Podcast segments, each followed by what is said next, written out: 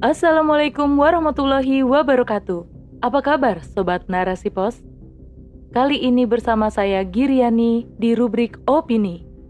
Narasipos.com Cerdas dalam literasi media, bijak menangkap peristiwa kunci. Perundungan marak, potret generasi rusak oleh Hana Anissa Afriliani SS Siapa yang tak mengurut dada menyaksikan deretan tingkah para pelajar hari ini yang sudah sangat di luar batas kewajaran? Ya, siapa pun tentu miris. Pelajar yang selayaknya mencerminkan perilakunya sebagai kaum terpelajar, nyatanya sungguh jauh panggang dari api. Betapa banyak pelajar yang justru berbuat semaunya, bahkan menjurus pada tindakan kriminal, jauh dari adab. Sebagaimana yang terjadi beberapa waktu lalu, seorang pelajar kelas 6 SD di Tasikmalaya harus meregang nyawa setelah depresi akibat mengalami perundungan oleh teman-teman sekolahnya sendiri. Ia dipaksa menyetubuhi seekor kucing sambil direkam dan videonya kemudian disebarluaskan di media sosial. Korban meninggal dunia ketika sedang menjalani perawatan di rumah sakit karena sejak kejadian perundungan itu korban tidak mau makan dan minum. Tak hanya itu, pada Juni lalu juga terjadi perundungan di sekolah yang memakan korban jiwa, yakni seorang siswa madrasah Sanawiyah di Manado meninggal dunia usai dirundung teman-temannya. Sebelumnya, pada September 2021 lalu juga terjadi perundungan siswa SMP oleh sekelompok siswa SD di Bulukumba, Sulawesi Selatan. Akibatnya, korban mengalami sakit badan dan leher akibat dikeroyok. Alangkah tidak beradabnya perilaku para pelajar itu.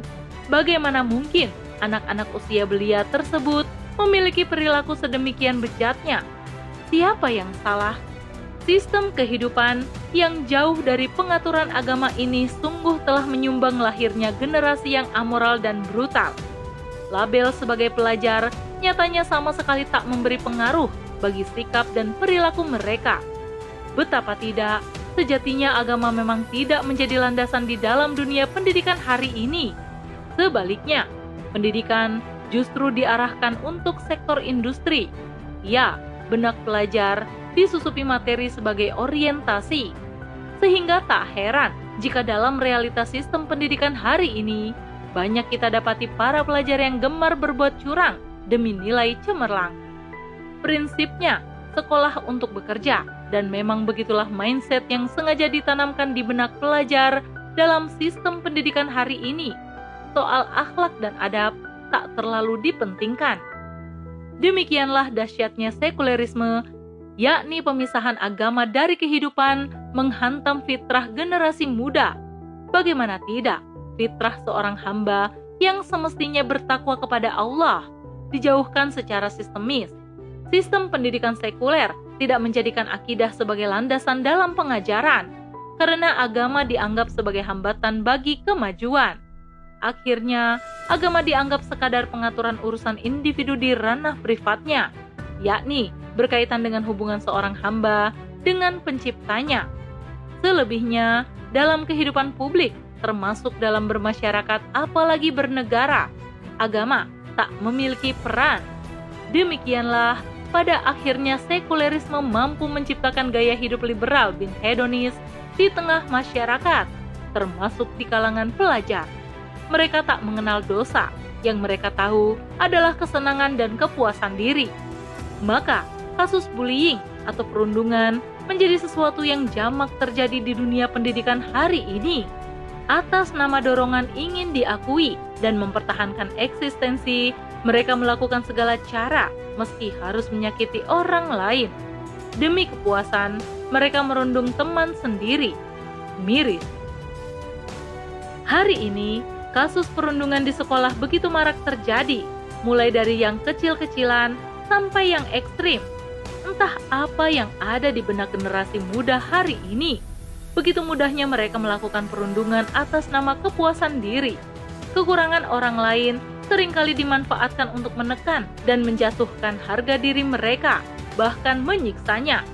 Hal tersebut merupakan wujud eksistensi diri generasi muda di tengah lingkungan pergaulannya. Berbeda dengan Islam, Islam memandang bahwa manusia memiliki potensi naluri di antaranya naluri mempertahankan diri atau gorizah bako, naluri melestarikan keturunan atau gorizah nau, dan naluri beragama atau menghamba atau gorizah tadayun. Adapun aksi perundungan merupakan wujud dari naluri mempertahankan diri dari para generasi muda. Mereka sibuk mencari pengakuan di tengah lingkungannya. Namun sayang, mereka melakukannya dengan jalan yang salah, bukannya dengan menonjolkan prestasi diri, melainkan malah menjadi sosok remaja yang membuat kerusakan. Hal tersebut jelas harus kita sikapi dengan serius. Mengingat kasus perundungan tak pernah henti terjadi, remaja harus diarahkan potensinya sesuai tuntunan syariat Islam agar tak salah arah. Sebab sejatinya generasi muda adalah aset masa depan jika remaja hari ini dibiarkan berkubang dalam kerusakan, masa depan bangsa dipertaruhkan. Oleh karena itu, Islam memiliki upaya sistematis dalam menuntaskan problematika kerusakan generasi. Lewat penerapan sistem Islam secara kafah, negara akan menjalankan seperangkat mekanisme demi membentuk generasi muda muslim yang memiliki ketinggian ilmu serta berakhlakul karimah. Dalam Islam, ilmu dan adab ibarat dua sisi mata uang, tidak dapat dipisahkan. Maka, banyak ulama yang mengatakan agar seorang muslim mendahulukan adab ketimbang ilmu. Salah satunya adalah Imam Malik. Karena dengan adab, seseorang akan lebih mudah menguasai ilmu. Bahkan, Ibnu Mubarak berkata bahwa dirinya mempelajari adab selama 30 tahun, sementara ilmu hanya 20 tahun. Jadi, alangkah ironisnya jika dalam sistem sekuler hari ini, sudahlah ilmu terabaikan, adab pun terbengkalai. Akhirnya, potret generasi muda hari ini sungguh jauh dari kepribadian Islam yang agung.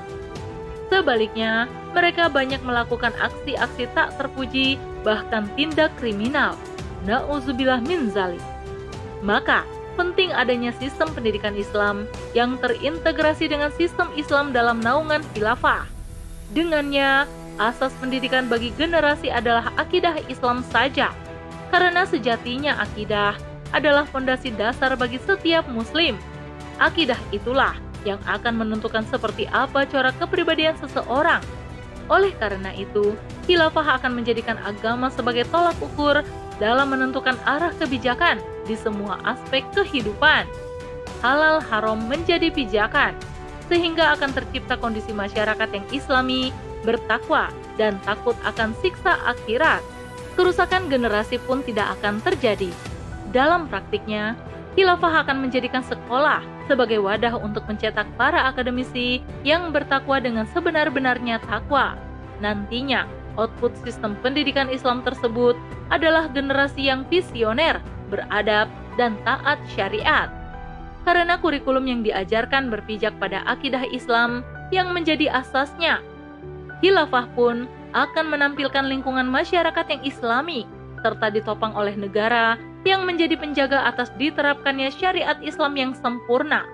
Demikianlah, ketika khilafah ada di tengah-tengah kita, niscaya kehidupan Islam akan terwujud generasi Islam yang merindukan surganya, lantas erat mendekap takwa akan terbentuk secara nyata. Sungguh, mereka mengimani firman-Nya dalam surah Maryam ayat 63. Itulah surga yang kami janjikan kepada mereka yang taat. Surga itu akan kami wariskan kepada hamba-hamba kami yang selalu bertakwa dengan sepenuh hati. Wallahu a'lam bishawab. Wassalamualaikum warahmatullahi wabarakatuh.